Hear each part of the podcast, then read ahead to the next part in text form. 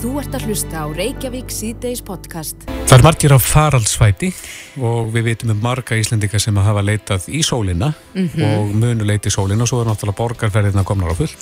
Já, ég rakst á áhugaverða grein hérna á viðskiptablaðinu þar sem er uh, skemmtileg fyrir svo skild að vera ferðajól. Já, akkurat. Við höfum auðvitað í gegnum tíðin að vera duglega ferðast um jólinn mm -hmm. og, og svona jólaferðir til dæmis til Flórida og fleiri þeimtur eru mjög vinsælar og líka bara fyrir jól að fara í verslunarferðin til útlanda og já, fleiri þeimtur. Og margir sem að eru í spreng, ferðaspreng. Já.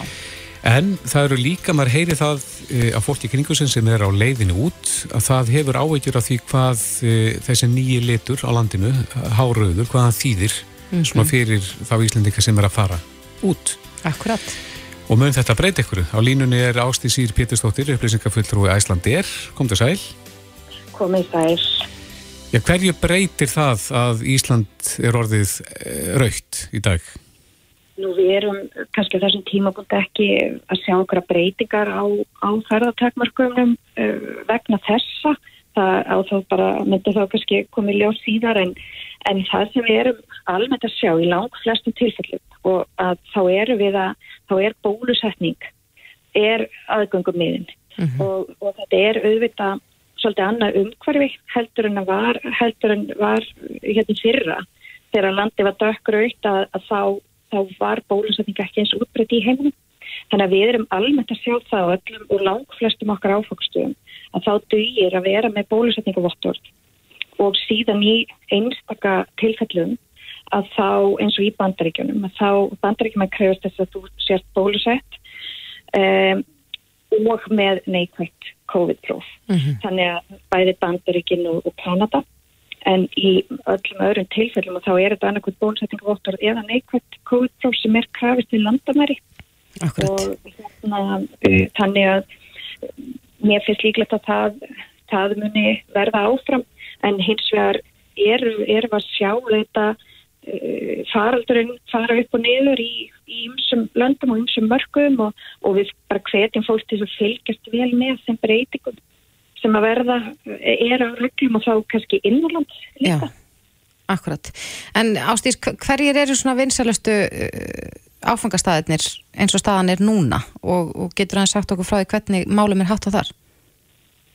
Það er náttúrulega bara okkar helstu staðir bæði borgir og hvað sem það er í Skandinavíu eins og Kveikmannahöfn og og London og svo auðvitað í sólina uh, eins og, og uh, Tenerife hefur verið mjög vinstalt að öndarförnum mm -hmm. og, og til dæmis á þessum stöðum og ég myndi segja að flestu mörgum í Evrópu að þá dugir að, að vera með bólusetningvostori eða neikvægt uh, COVID-próf um, í Breitlandi þá er þess krafist og það þarf að fylla út uh, eðublað að hann komið inn til landsins og það saman við um spán og, og jafnframt í Breitlandi að þá er uh, þarf að taka sjálfsprúf tveimu dögum eftir að þú kemur til landsins. Þannig að þetta er aðeins mismönd eftir löndum og ég held að aðalatri sé að þú kynni því bara vel reglum sem gilda í hverju landi og við erum með, með góðar upplýsingar á heimasíðunni hjá okkur og bara á forsíðunni er hægt að smetla á hlekk þar sem að það sem að byrtist ákveð form þar sem þú getur fyllt inn hvaðan er þetta að fljúa, ertu með bólusetningu eða ekki hvert þetta fara, uh, hvaða vegubreyfist og með mm -hmm. og, og þá færiðu bara mjög greina góður upplýsingar um uh, land, landamærareglur í viðkomandi landi mm -hmm. og síðan erum við jafnveg upplýsingar bara eftir áfengastum, þess að þetta er að smetla og, og, og finna hvað, þessum að vísa þá inn á inn á óbyrðara síður í hverju landi, þess að hún sér þá hvaða reglur gilda innanlands sumstaðar hefur verið þannig að það þarf að sína bólsetningavottor farin á veitikastöði þannig að það er allur gangur á því og kannski, kannski erfitt að fara yfir einstaklega land en við hvetjum fólk til að kynna sér þetta vel áður en ferðast þér. Mm -hmm. Er það þannig, skiljið þér rétt að, að þeir sem eru óbólusettir að þeir komast ekki til þessar landa sem þið fljúið til? Jú, jú. Jú, í flestum löndum er það nefnilega þannig að þú getur annarkvört verið með bólusetningavottor eða niðkvægt COVID-12 en síðan hugsanlega í einhverju löndum og þá gilda reglur og þú þarfst að sína bólusetningavottur til þess að komast inn á veitikastafan það, það var til dæmis þannig eins og í Danmarku og, og það er ímislegt sem að þannig að það er bara best að kynna sér það fyrirfram hvað mm -hmm. reglur gilda í, í hverju landi. Og við reynum að sapna þessum upplýsingunum vel saman okkar heimisvíð Akkurat.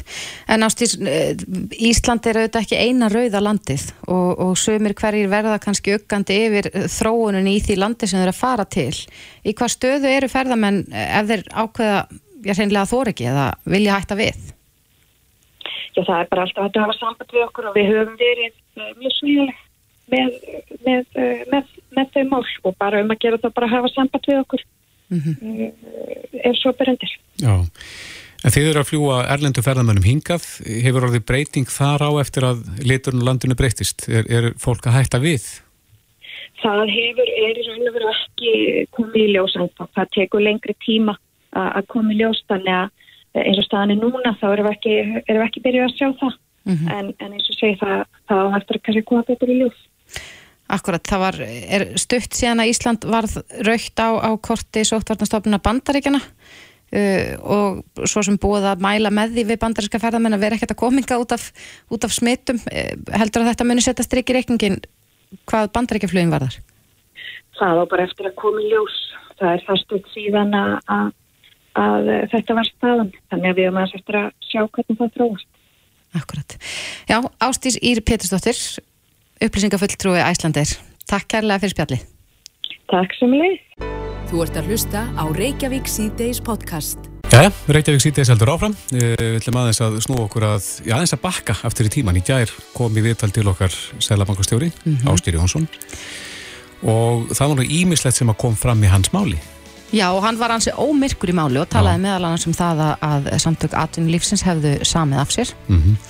Með þessum uh, hagvakstar auka, heitir það ekki? Jú, og hann varaði við að verkefliðsreifingin færi í slag við Selabankan. Mm -hmm. Það var í slagur sem að allir myndu tap á. Akkurat.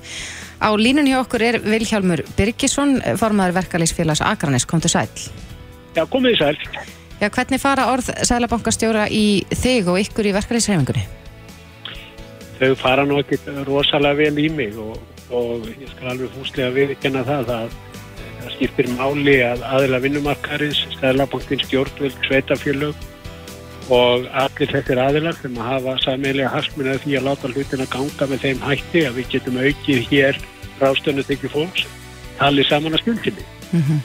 e, mér fannst e, stæðlabankastjóri í gerð ekki tala af nægilegri stinnsemi og nægir þar að nefna að það sem að vantar kannski inn í hans e, málflýting er það að 50% af þeirri verðbólgu sem að e, hefur verið hér síðustu tíu ár mm -hmm. er knúin áfram vegna slokallast húsnæðisliðar í vísitölunni. Og við getum ímyndað ykkur það ef það væri að benda á verkefnisreifinguna og segja við hana þið berið ábyrð hér á 50% af þeirri verðbólgu sem hefur verið hér á meðaltali síðustu tíu ár eins og húsnæðisliðurinn er að gera. Mm -hmm það er fyrst og fremst kannski vegna þess að við erum að mæla vísendunum með öðrum hætti heldur en önnulönd og síðan netti síst er vegna frambóð skort á lóðum þannig að eftirspurnin gerir það verkum að húsnæðisverð hefur hækkað hér e, með óheirilega miklum hætti á liðnum árum. Mm -hmm. Þannig að, að, að vilt þú meina að, að já, húsnæðisliðurinn, að húsnæðisvandin sé í raun og veru stóri vandin? Hann er stóri vandir, stóri vandir liggur í því og ef að menn bara veltaði fyrir sér að 50% af verbulgum að meðaltali síðustu tíu ár mm -hmm. er knúin áfram út af þessum eina lit. Síðan stöndum við núna frammi fyrir því að hér er, uh, eru aðstæður á uh, arðheimsvísu eða þannig um orði komast þar sem að verðhækani vegna uh, fluttningskostnar, ráöfniskostnar og annars byggt er gríðalegu núna út í Evrópu og út, í, út, í, út, út um víða veröld sem að gera það verkum að við erum að flytja hér inn mikla verbulgu vegna verðhækana sem eru ellendis sem að launafólk og verkefliðsrifingin ber ekki nokkra einustu ábyrð á. Ég með langar líka að spyrja að einu og það kannski ákveðt að selabókakjörum myndi svara því því að það kemur fram í blaði e, frá ríkisskattjóra í tíund að fyrirtækjum skulduðu 9.991 miljard árið 2019 og Þessi stýravastahækkun sem að Sælabankin hefur núna verið að koma með á undanfjörnu sem er samtals upp á 1,25% þýðir að ef að þessi vastahækkun snýla sér á alla þessar skuldir hjá fyrirtækjurum þá þýðir þetta 124 miljardar í kostnæðarauka fyrir fyrirtækin. Og ég spyr mig, hvernig munir fyrirtæki vestur og þjónasta sem, sem að skulda mikla penninga, fá á sig auk, au, au, aukin vakstakjöld, hvert fer það? Mm -hmm. Það er beint út í verðlægið sem að síðan eh, heldur áfram að, að, að fóðra verðbólkuna. Þetta væri svipað, bara til að setja þetta í samengi, að þá eru laun og launantengjöld á íslensku vinnumarkaði eh, 1135 miljardar. Það myndi þýða það ef við færum fram með 11% af launahækku núna þá er það jafn háuppæð og þessi vaksta hækkun sem er verið að leggja á fyrirtæki núna myndi kosta íslensk fyrirtæki. Mm -hmm. Þannig að við finnst ekki fara saman hljóð og mynd hjá Sælabanka. Nei, en e, við höfum reynda að teki þessu umræðu oft í kringum kjærasamninga þar að segja að þegar að launahækkanir eru, eru miklar Eh, þá er svo hækkun jétin upp með verðhækkunum eh, og gjaldahækkunum á hinumendanum. Er það ekki það sem að Selamarkastjóri er að tala um að hann vil frekar hérna, bæta kaupmáttin heldur en að endilega hækka launin? Ég, ég, ég geta mörguleiti tekið undir þessi sjónaminn en við verðum samt að átt okkur á því hvernig eiga heimilinn að standa undir þeim kostnæðarhækkunum þegar það ber enga ábyrða og eins og ég var að lýsa á þann bensínverði hefur hækkað um 40 krónu per lítir á örfáum mánuðum. Örfáum mánuðum, það er eitthvað sem að verkalýfnefingin eða launaflug ber enga ábyrð á eða flutningskostnaður á vörum til Ísland sem hefur hækkað um 100-200% vegna korunu uh, faraldusfylgjur launaflug ber enga ábyrð á þessu Fyrirtækin hafa hins vegar alltaf tækifæri til þess að varpa þessum vanda sínum strax dægin eftir, tækið eftir, strax dægin eftir út í verðlægin. En launafólkið, það verður að býða þetta að það er launahækkun. Og ég verða að segja það alveg svo er að þessar, þessar fréttir og umræðar sem er núna í gangi, til dæmis varðandi þennan háakstar auka sem við sömdum um í lífstjara samningnum, að heyra hér í postjórum sumra fyrirtækja og þeir verða fyrirtækjar grenja eins og stungni grísir yfir því að hugsanlega mun hafastarreikin skila launafólki 3.000 til 13.000 krónar hækkun. Og þessi sömu postjórar hafa bara fyrir réttrúmi árið síðan fengið launahækkun sem nefnur 1 miljón króna. Nú kemur, kemur fólkjörum hesti og segir í viðtali sem að byrstist inn á vísir að ef að þessi hagvastarauki og þessi launahækana sem er að koma komið til framkvæmda á annarkvort þurfum við að hækka verðlægir eða reka fólk, segja fólki. Og ég spyr mig fyrirtækið sem festi sem skilaði 2,3 miljardum í hagnað á árunni 2020 og það kemur fram hjá viðkomandi fórstjóra að þessar launabreitingar muni kosta fyrirtæki 300 miljónir. Mm -hmm. Er ekkert vandamál þótt að hagnaður verði 2 miljardar en ekki 2,3 miljardar? Maður sem er með 6,1 miljóna mánuði sangat fréttum skuli koma hér og tala um það að hagvaktarauki sem að eru búið 3.000 til 13.000 krónur muni leggja líka við fyrirtæki hjá húnum að velli Ég segi bara sveia það. Mm -hmm. Ástið sagði hérna í gær og hann varaði við því að verkefliðsrefingin færi í eitthvað slag við Sælabankan, að hann væri með þau tæti og tól og það kæmur á engin vel út úr þeim slag. Þið heyri bara á mér núna, það er búið að reyta mann til reyði mm -hmm. með þessu, því að við höldum okkur hafa gengið frá stinnþanlu og kjærasamningu síðast. Við lögðum mikið á okkur við að anga hér frá kjærasamningi sem við höldum vera skinsamann skinsamann sem gekk út af það að auka hér hagvöktjá uh, eh, eh, hérna okkar fólki, auka kaupmáttar aukningu meðal annars með því að ná vöxtónu niður. Núna, bara þessi stýrivasta hækkun sem að uh, eh, Sælabanki tilkynnt í gær að á 35 miljón krónar láni sem er með breytilögu vöxtum þá mun 41% af þeirri launahækkun sem kemur 1. janúar þurkast í burku bara út af þessara ákvöðunar Sælabankan og mér finnst þetta algjörlega fyrir neðan allar hellur að það skulle vera ráðvikt svona sínt og heilagt á launafólk á heimilinn á sama tíma og það er verið að greiða hér ár eftir ár í- út úr fyrirtækjunum upp á 250-300 miljardar á ári. Til hvaða ráða ætti Sælabankin að grípa uh, annara en, en að hækka stýrivextina til að halda niður í verðbólgu?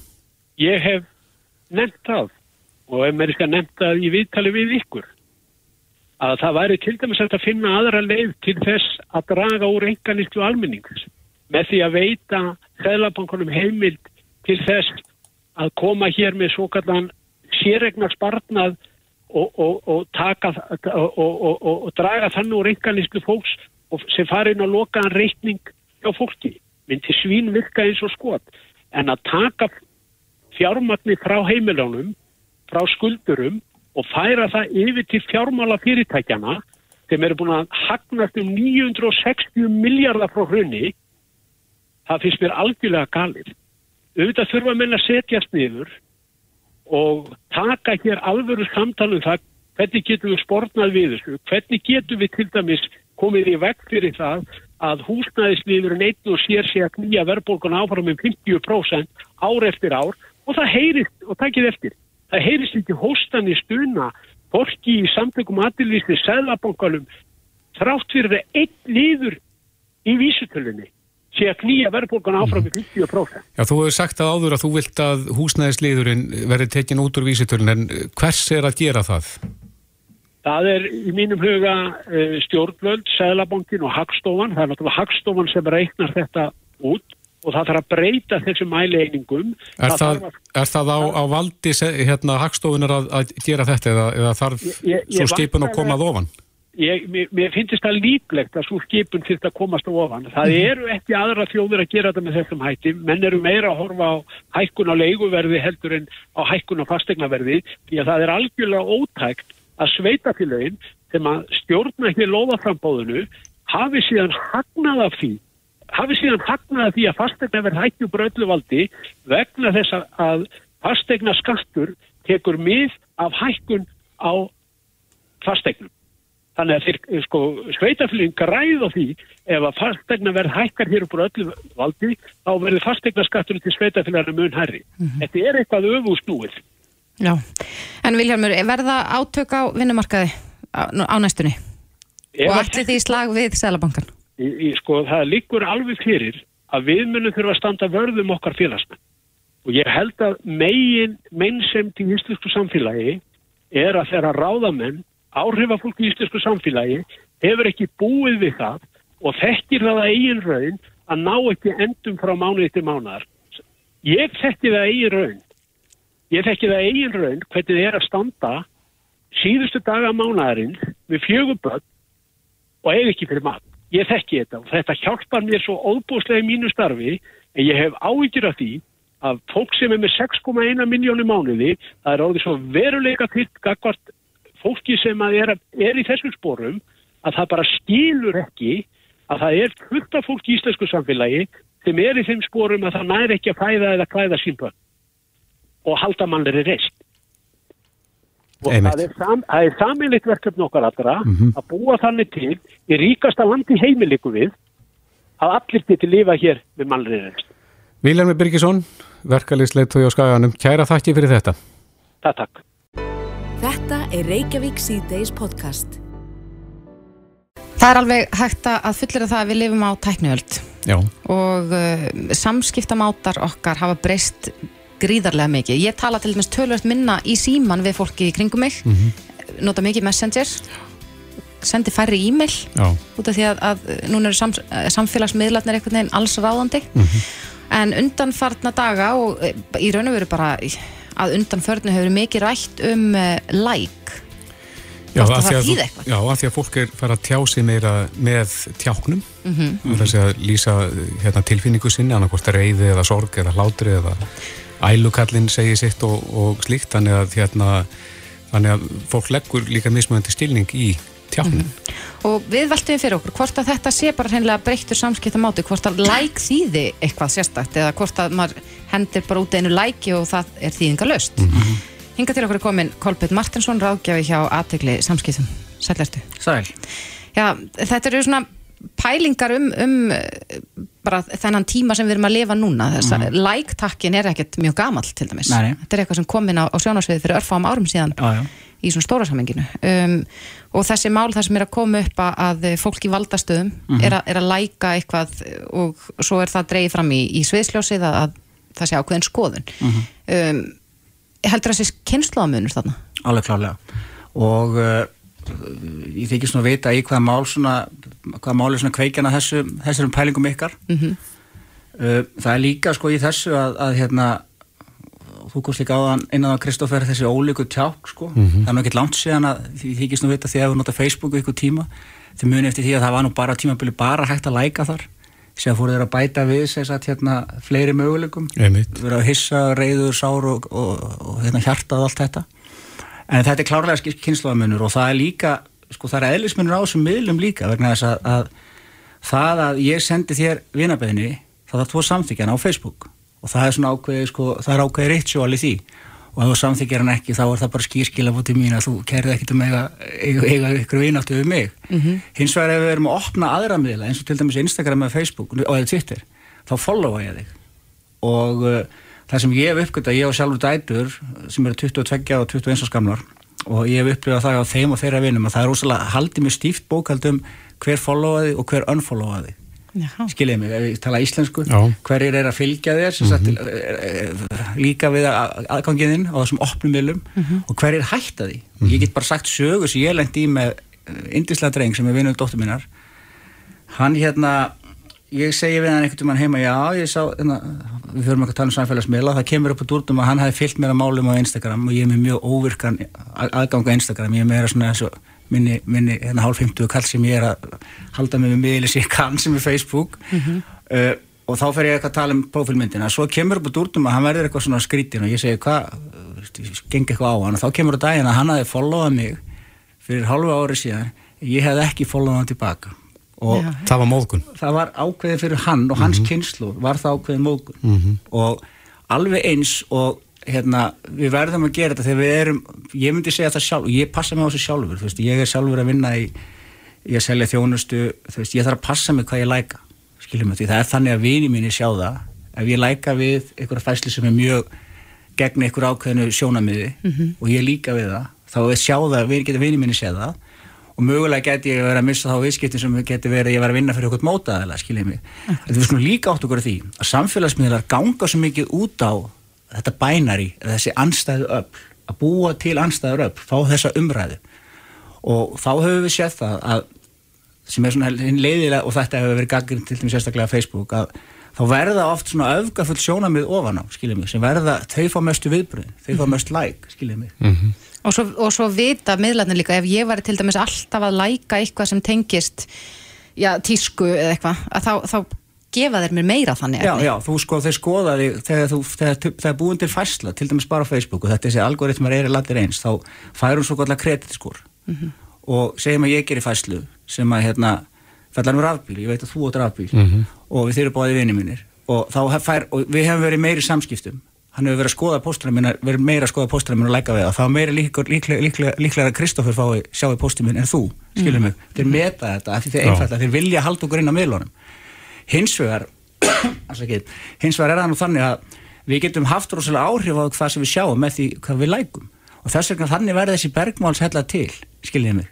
Að ég fer inn á miðlan og ég læka við hérna mínar pólitísku skoðanir, fólk sem er með mínar pólitísku skoðanir, þá fara miðlarnir að halda meira efni þannig aðmæni og á sama hátt er að eins og til dæmis þetta mál sem ég held að við sem að tala um þetta fórseta hérna hæstaréttar þar sem hann segir sjálfur, hann var að sína viðinni sínum stuðning sem þessi miðlar eru líka og það er bara gott að blessa en hann er gaggrindur út á stöðu sinni skiljiði mig Mm. það er Þannig að menn geta lagt mismunandi skilning í lækið. algjörlega, Menn algjörlega. voru að læka þetta en ekki annað sem að byrtist kannski í þessari fæslu. Mm, En er það þá, ætti það þá að vera þannig að við eh, setjum ríkari kröfur á þá sem eru til dæmis í valdastöðum eða, eða í uh, sviðsljósinu eða í ofinbörum stöðum til dæmis að, Ég- að þau læki ekki ég held að fólk gerir það ósárátt ég held að fólk passi sá þessu hins vegar er líka, ég vil ég aðeins að við spilnum við niður í fæti, það er orðið þú veist að fólk er farað að móðgast fyrir hönd heilu þjóðana og hópana það er allskins fólk fara að mókast fyrir hóp annara, skiljiði mig.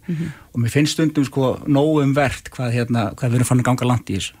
Þú veist, ég, við erum bara menn og hérna og, og ég, það er skoðanafrelsi skiljiði mig. Uh, við hefum líka séð það í svona, svona MeToo-málum þar sem að einstaklingar hafa til, dæmis stíði fram og beðist afsökunar þar hefur verið gert svona, þar hefur fólk sem hefur líka á þenni fæslust, það hefur verið nafngreint og gerð krafa um að það gerir grein fyrir stuðningi sínum.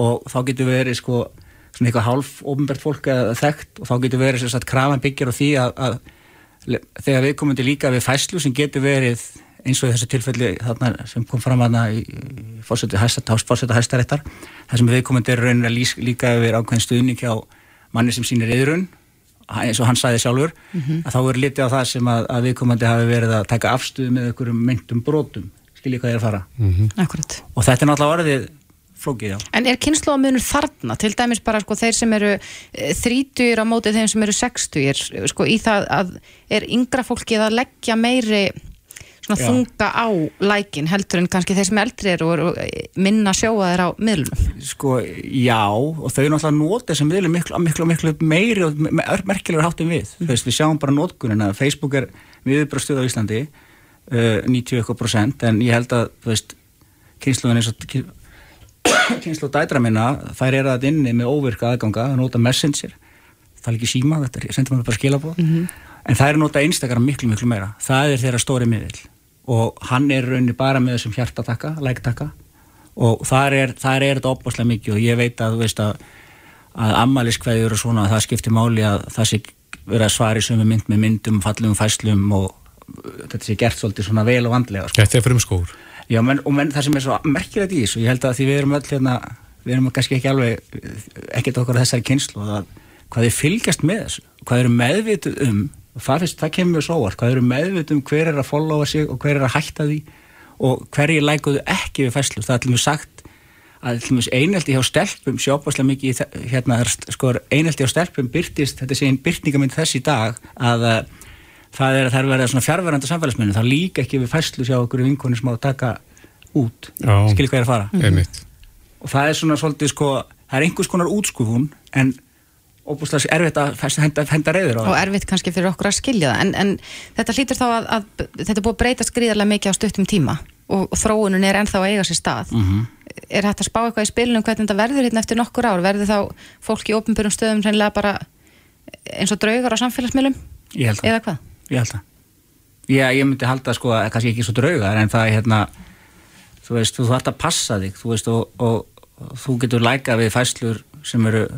að veist, og, dýrum og eitthvað slíku En ekki kannski þjóðfélags umræðu? Nei, þú veist, í svona bænar í málum sem að miðlætin hafa líka, sko miðlætin hafa til einhvern veginn að keira þau mál mjög harkalega upp og gera þau mjög sínileg mál sem eru mikið að, hérna, að þú veist, eru svart og hvít. Mm -hmm. og þeir málaði opast mikið svart og hvít, kannski eru við flest grá, eru svo gráasvæði skiljum við höfum kannski ekki opast miklu skoðanir mingur skoðanir, en svart, svarta umræðan og hvíta ég held að, að maður verður að gæta sín á þessu ég er ekkit sammálaðið það sé rétt skiljum, ég er ekkit sammálaðið því að mér finnst að fólk eigi að hafa sína skoðanir þó þau sért ofinbjörn persóna mm -hmm. en það er eins og ég segi það er, það er, það er stórhópi fólk sem er tilbúin að móðgast fyrir hönd allskíshópa mm -hmm. og hérna ímis af fleiri aðila mm -hmm. að já, ég held að hérna, þetta mun breytast. Já, já, þannig að fólk mun bara eins og í umræðum þetta mála þá mun fólk forðast læktakan svona kannski í ríkari mæli. Já, þú veist að sína kannski stuðning með öðrum hætti. Mm -hmm. og ég líka ég fekki dæmi þess að, að, hérna, að, að, að í svona erfiðum málum að það fólk hefur verið bara mjög hrætt við að gera þetta, sína stuðning á samfélagsmiðlum. Út af því einfallega að það verður það getur sjálft lendi í mjög harðri og óvæginni gaggrinni mm -hmm. Kolbjörn Martinsson, ráðgjafi hjá aðtegli samskiptum, kæra þætti fyrir komuna Takk fyrir mig Reykjavík síðdeis á Bilginni podcast. Við höldum áfram í Reykjavík síðdeis, uh, ætlum aðeins að tala um COVID. Já. Það greindist 126 í gær mm -hmm. og uh, það er kannski frekar góða fréttir að það hafi ekki færri greinst uh, í tíu daga síðan 7. nóber. Og það er spurning hvort þessar aðgerið séu farnar að býta. Þórólu Gunnarsson, sótvarnarleiknir er á línunni, kom þið sæl. Já, sælverði. Já, þýða þessa tölur að, að aðgerðirnar eru farnar að blífa? Það er erfitt að segja alveg eitthvað ákveð um það. Við höfum alltaf verið að sjá svona breytileika millir daga en, en vissulega er þetta niður á við og vonandi er þetta bara byrjunin á því og það mun halda áfram en við skulum skála bara svona eftir nokkra daga þá sjáum við á hvaða leið þetta er að fara. Já, maður fekk það reynda svo sem á tilfinninguna þegar að þessa tölu fór að sígu upp á við að fólk hafi svolítið sjálft svona farið í sótvarna gýrin. Já, ég held að það sé rétt að það hefði gerst áður en að reglugerðin var sett og, og hérna það er bara flott og ég held að það gæti vel verið ef þetta heldur áfram að þá er það líklega uh, orsökinn fyrir því, myndi ég held að. Já, einn spurning sem við hefum hert á lofti uh, varandi heimaprófuna því að það er nú verið að móka þessum prófum út, má segja, mikil sal á þeim. Er, er eitthvað reynsla komin á þessi próf? Er, er, er reynslunni haldið eitthvað stað til haga? Nei, hún er ekki haldið til haga. Þetta er bara lausavara sem er selgt í í búðum og apotekum og, og þetta eru uh, hérna próf sem að það er ekkert að sækja um leiði fyrir, þau eru CE-mert og, og þurfum ekki að fara í gegnum neitt gæða kontról, þannig að við vitum ekkert hvaða, hvaða skilir þau uppfylla í sjálfu sér og svo vitum við heldur ekkert hvernig fólk tekur sínin sjálf. Mm. Það er, það er ekkert, ekkert auðvelt að stinga pinna ekki nefið og fara meðan alla leið aftur í kók. Það er á manni sjálfum þannig að eh, ég myndi senda spurningamerki við það en það sér maður að útæktum erlendis frá á þessum svo kallu sjálfprófum að, að þau gefa mjög mis, mismunandi niðurstöður. Mm -hmm. En þessi sjálf, sjálfpróf er nú í, í sölu mjög víða og eh, svona við höfum fengið veður af því að það séu fjölmarkir að nota þetta jafnvel daglega eða ofta dag til þess að kanna þetta. Er það áhegju efni ef fólk er að leggja of mikla trú á uh, þessi heimapróf? Já, það er ákveðina, á, ákveðina áhyggjur sem maður getur haft ef að fólk fer að treysta þessu allt og vel. Uh, við erum með gott aðgengi að þessum bestu prófum sem eru PCR-prófum, það er bestu prófum sem við höfum og uh, svo þessi sægreiningapróf sem að uh, þjálfa fólk sem að veit hvernig á að taka prófum gerir og, og það þau eru svona næst best. Þannig að ef að fólk fer að treysta því um of að taka sjálf þessu próf að þá getur að lendi því að fá bæði falsneikvæð og falsjákvæðar niðurstöður. Já, eh, ég var nú að ferðalagi núna um daginn og, fór yfir landamærin, komingað heim og þá einmitt gegst ég undir svona PCR-próf en ég fór að velta því fyrir mig núna þegar að við erum búin að vera hátt í tvö ár í þessu og margir búin að fara sko tuga stifta í svona próf, fá pinnan upp í nefið. Já. Hefur heimsbyðin ekkert náða að finna betri og þæginlegri leið til þess að, að taka svona próf? Nei, bestuðt að svara er bara nei vegna þess að veiran er fyrst og fremst þarna í nefnkokinu, þar er hún og það er bara hægt að finna hana þar sem hún er. Er ekki þetta að snýta þessu upp? Nei, það er ekki áræðinlegt og, og hérna, sko, menn hafa verið að reyna að taka munn, munnvatn úr munninum og bera það sama við nefnkokki og það er miklu lagari árangur af því þannig að Þannig en við erum bara því miður, við, þetta er bara eh, eina svona áræðilegast aðferðin er að taka þessi nefnkóksíni þó að það sé óþægilegt. Mm -hmm. En Þorlur, er nýtt minnisbladi í, uh, kortunum? Nei, er nú ekki. Ég held að við þurfum að sjá svona út vikuna hvernig þetta gengur og hvað leið þetta er og, og hérna og þá þarf ég svona bara að setja sniður en ég er snakkur að, að, að hérna slengja því út ef er svo byrjundir. Já. En e, svona miða við tölunar sem við sjáum í dag að, að þá virðist þetta vera að virka að eitthvað leiti?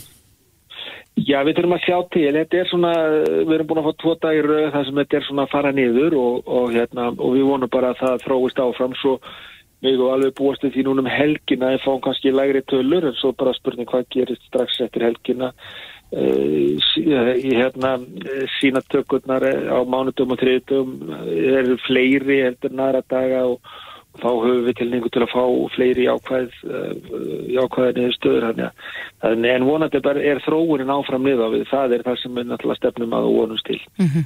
Það hefur verið alveg brjáluð umferð hérna niður lögadal undanfartna daga uh, þar sem að fjöldi fólks er að mæta í þennan, þessan, þennan örfunar skamt af bólusetningu.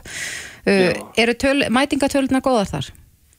Já sko það hefur hafa verið að koma svona kringum 70% af þeim sem hafa verið bóðaðir og uh, það kannski út af fyrir er ekki svo slæmt en ég myndi gætna vilja sjá heimturna betri.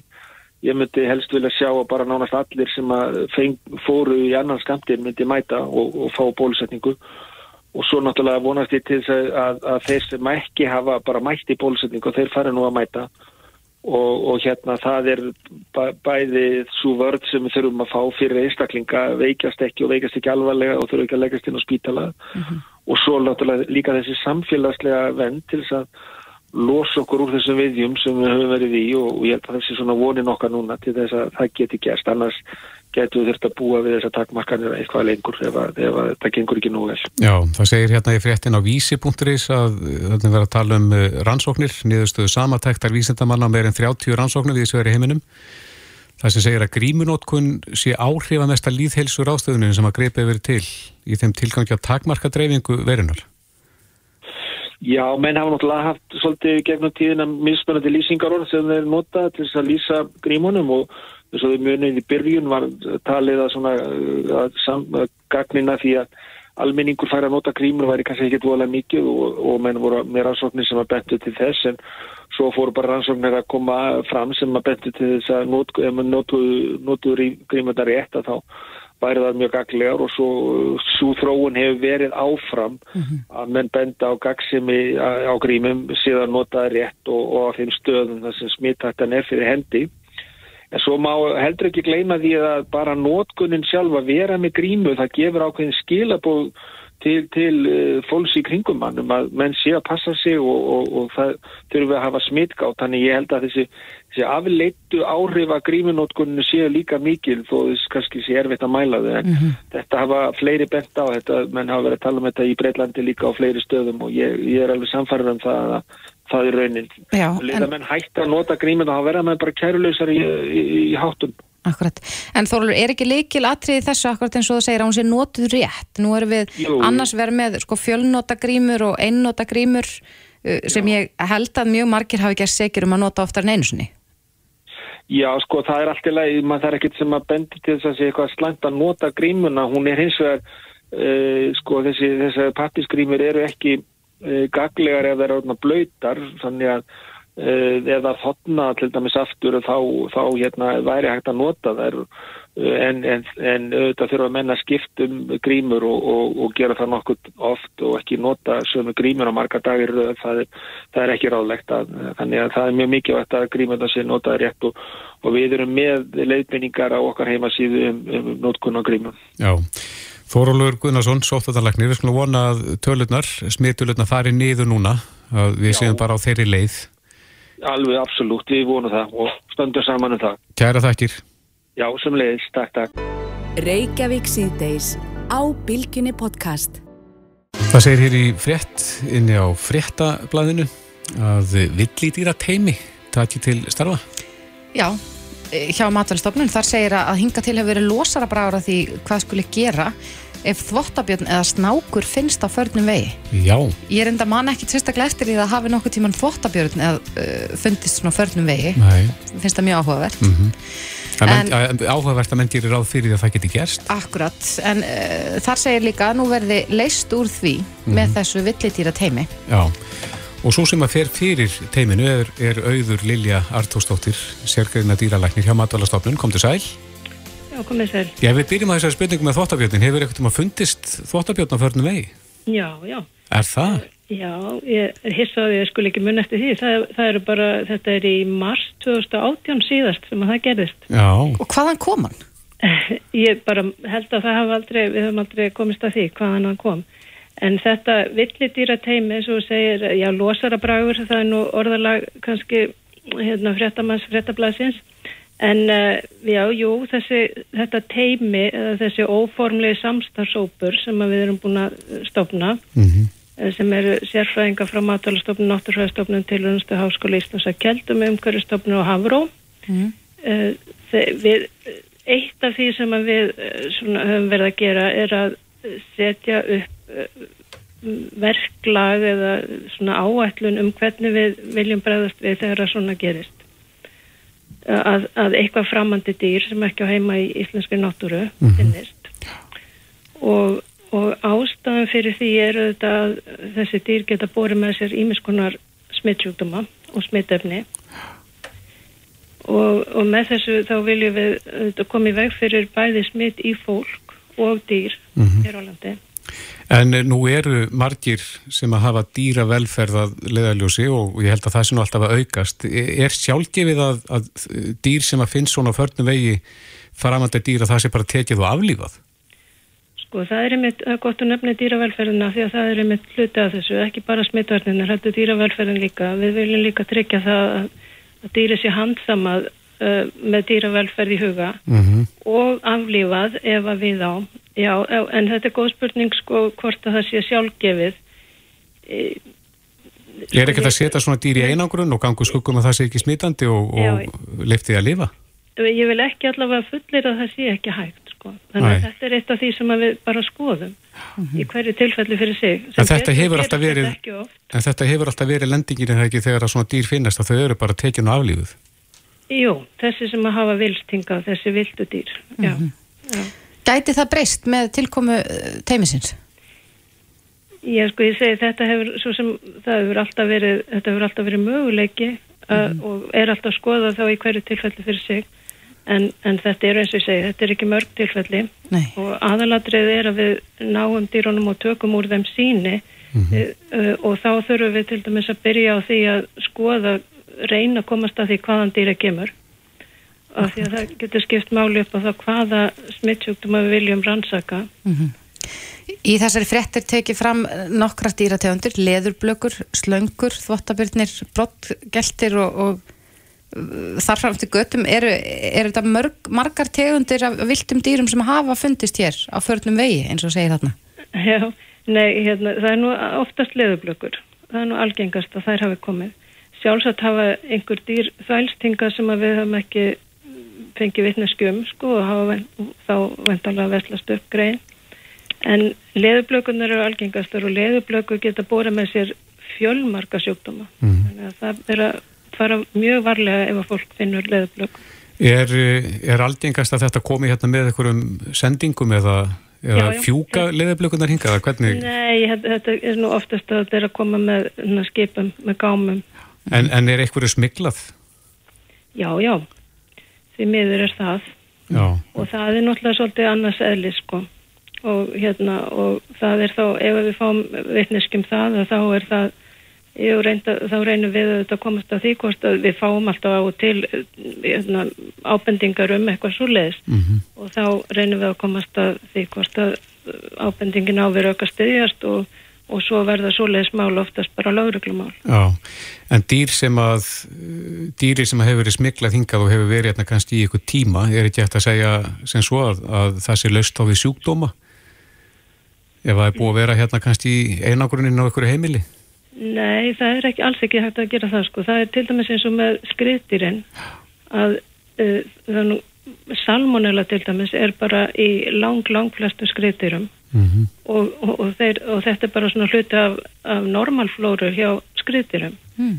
Þannig að það er, hérna, það er eitthvað sem að fólk þarf verulega að hafa í huga sko. Er það eðlur og slíkt? Já, skjaldbökur, snákar, eðlur. En auður, er einhver, sko, þau talið um smittsjúkdóma, er einhver ákveðin sjúkdómur sem að, að, þeir eru svona hrættust við? Já, það er hundæðið. Já. Við erum uh, hundæðislaust land og höfum aldrei haft hundæði hér og, og viljum náttúrulega bara gera allt sem við getum til þess að, að halda þeim status. Er hvaða- það leðublökurnar sem að eru þar helstar? Já, leðublökur, já og þessi dýr eins og þvottabirnir og svona þessi hérna þessi hérna hunda hundaættardýr. Eh, Dýr sem að er með hundaæði í sér, eh, er það, eh, er einhver einkenni sem að einkenna dýr með hundaæði? Já, þau geta orðið aggressív en það er ekki samt uh, sjálfgefið sko. Þau geta verið einkenna lausa með einhvern tíma. Þannig að það er ekki hægt að, að bara að býða og sjá hvort að þau séu aggressív. Já, en ef að hundaæði best frá dýr yfir í mann, hvernig lýsa einkenni sér hjá mannfólkinu?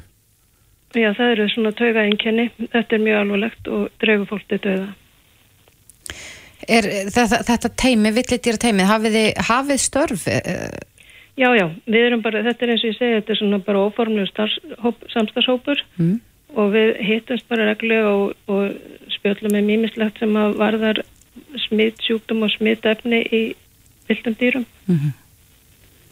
Já, við, en, en hvernig er, getur kannski alfarið yfir það með okkur ef að ég myndi rekast á þvottabjörn og förnum vegi, ætti ég umsvegulegst að hafa samband við matvælstofnun? Já, það er einmitt gott að spyrja því, af því að þá er það einmitt ferlið og það er að hafa sambandið matvælstofnun. Það er hægt að ringja á skiptiborðið 530 48 00. Mhm. Eh, svo er hægt að fá allar upplýsingar á heimasíðu matvælstofnunar um þá ef að það er utan skrifstofutíma þá, þá er hægt að finna símanúmer hjá hérastýralæknum eða umdæmisstofunum og þá, þá er eðlilegast að ringja í hérastýralækni.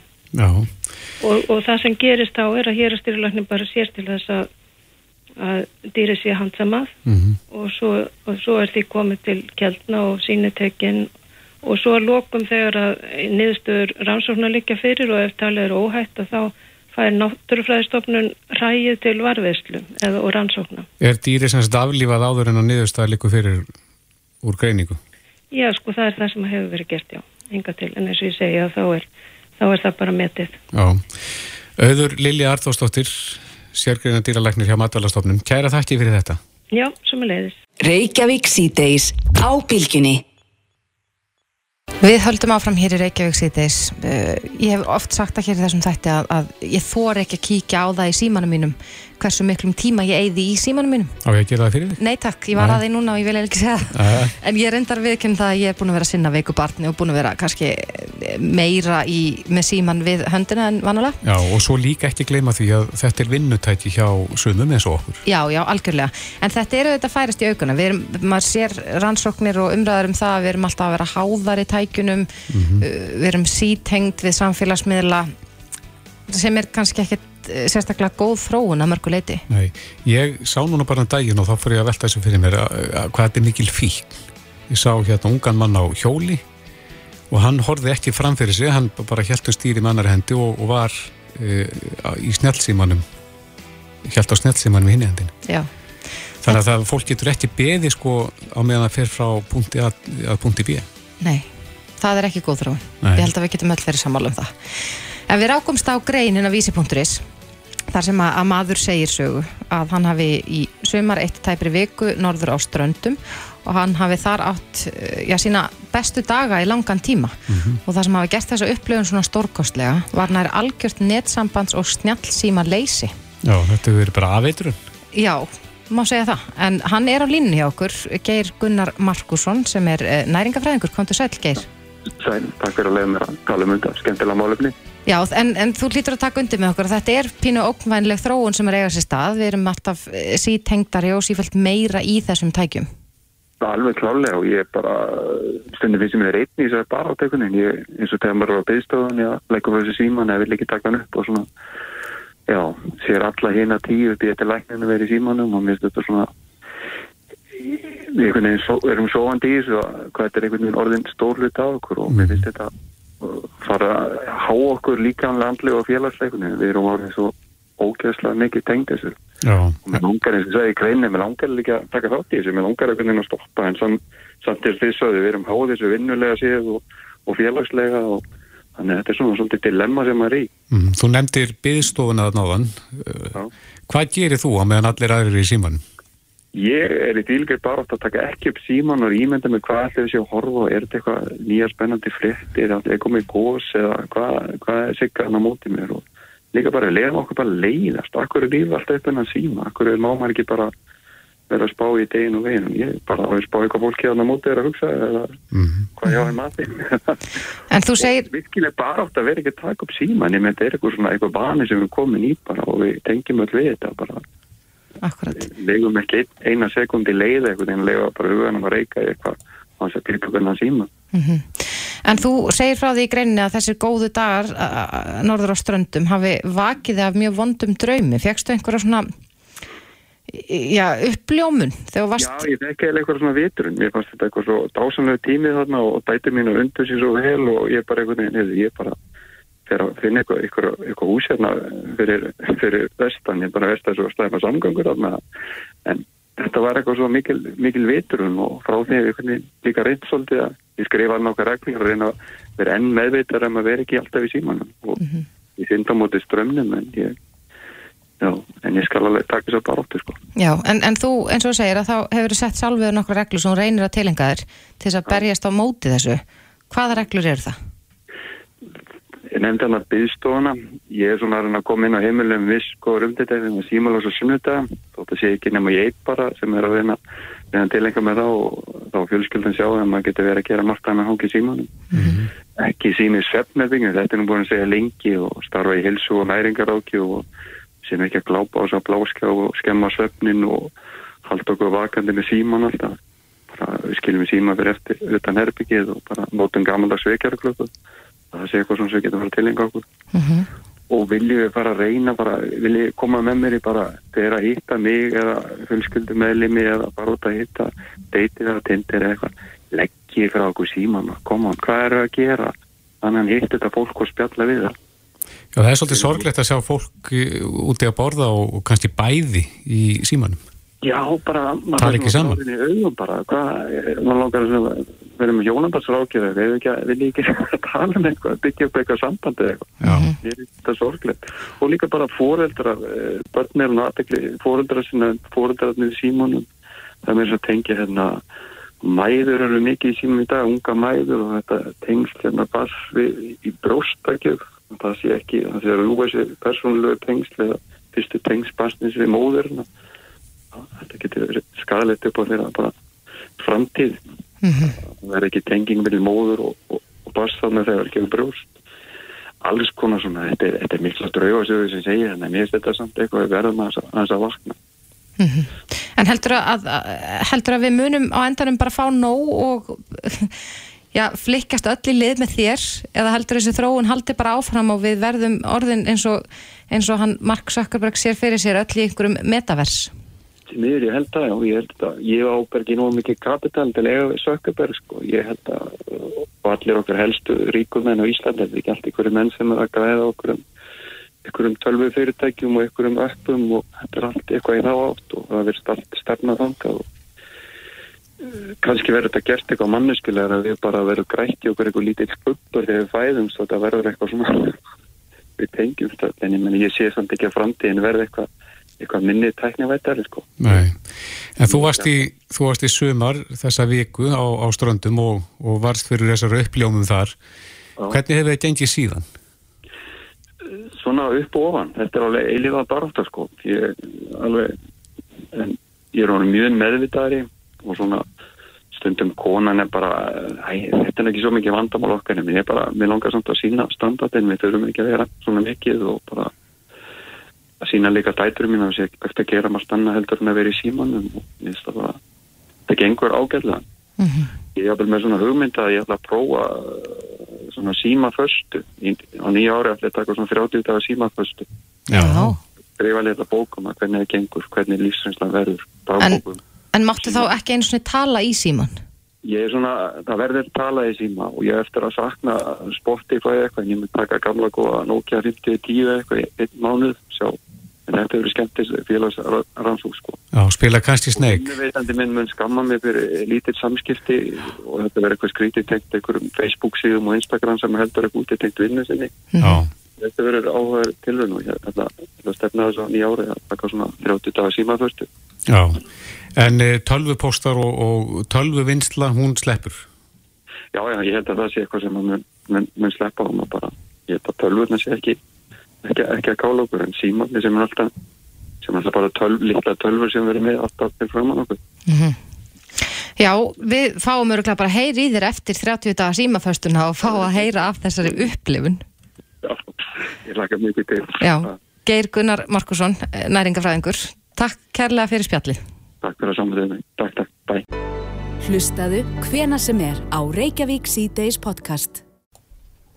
Í gær kom til okkar formaður velferðarás Reykjavíkborgar, Heiðabjörg Hilmisdóttir og þarna voru við að ræða málefni heimilislausra kvenna í borginni. En þa það var eh, sjálfstæðiskona sem að, í borginni sem að lagði til nýtt neyðaratkvar fyrir heimilislausa konur að það verið sett á laginnar í Reykjavíkborg. Já, en það fylgdi söguna að hún óttast að þetta færin í nefnd og myndi sopna þar. Já, hún Heiðabjörg vildi nú ekki meina að það myndi sopna þar og það væri ímislegt verið að gera í þessum málum en hún er komin til okkar Ragnhildur Alda Marja Vilhjámsdóttir borgarfulltrúi sjálfstæðarflokksins sem var nú eina af þeim sem að lagði þetta til. Kom til sæl. Kom til sæl, sæl, hæ, takk fyrir að bjóða mér. eins og við heyrðum í gær hjá Heiðu og þá er þetta eh, ansið stór hópur segja, af, af konum sem að, að eh, eru heimilslausar í borginni og, og mögulega með einhvern fjölþættan vanda. Já, hár rétt um, finnst ykkur ekki nóg mikið gert í þessum málum í borginni? Nei sko þess að það sem að komi ljós á sensta fundi er að, að hérna, stefnan hjá borginni er svo að fara einmitt bara í housing first greinlega. Um, það er ekki alveg nóg vegna þess að housing first er náttúrulega á við bæði líkum framhaldsúræði.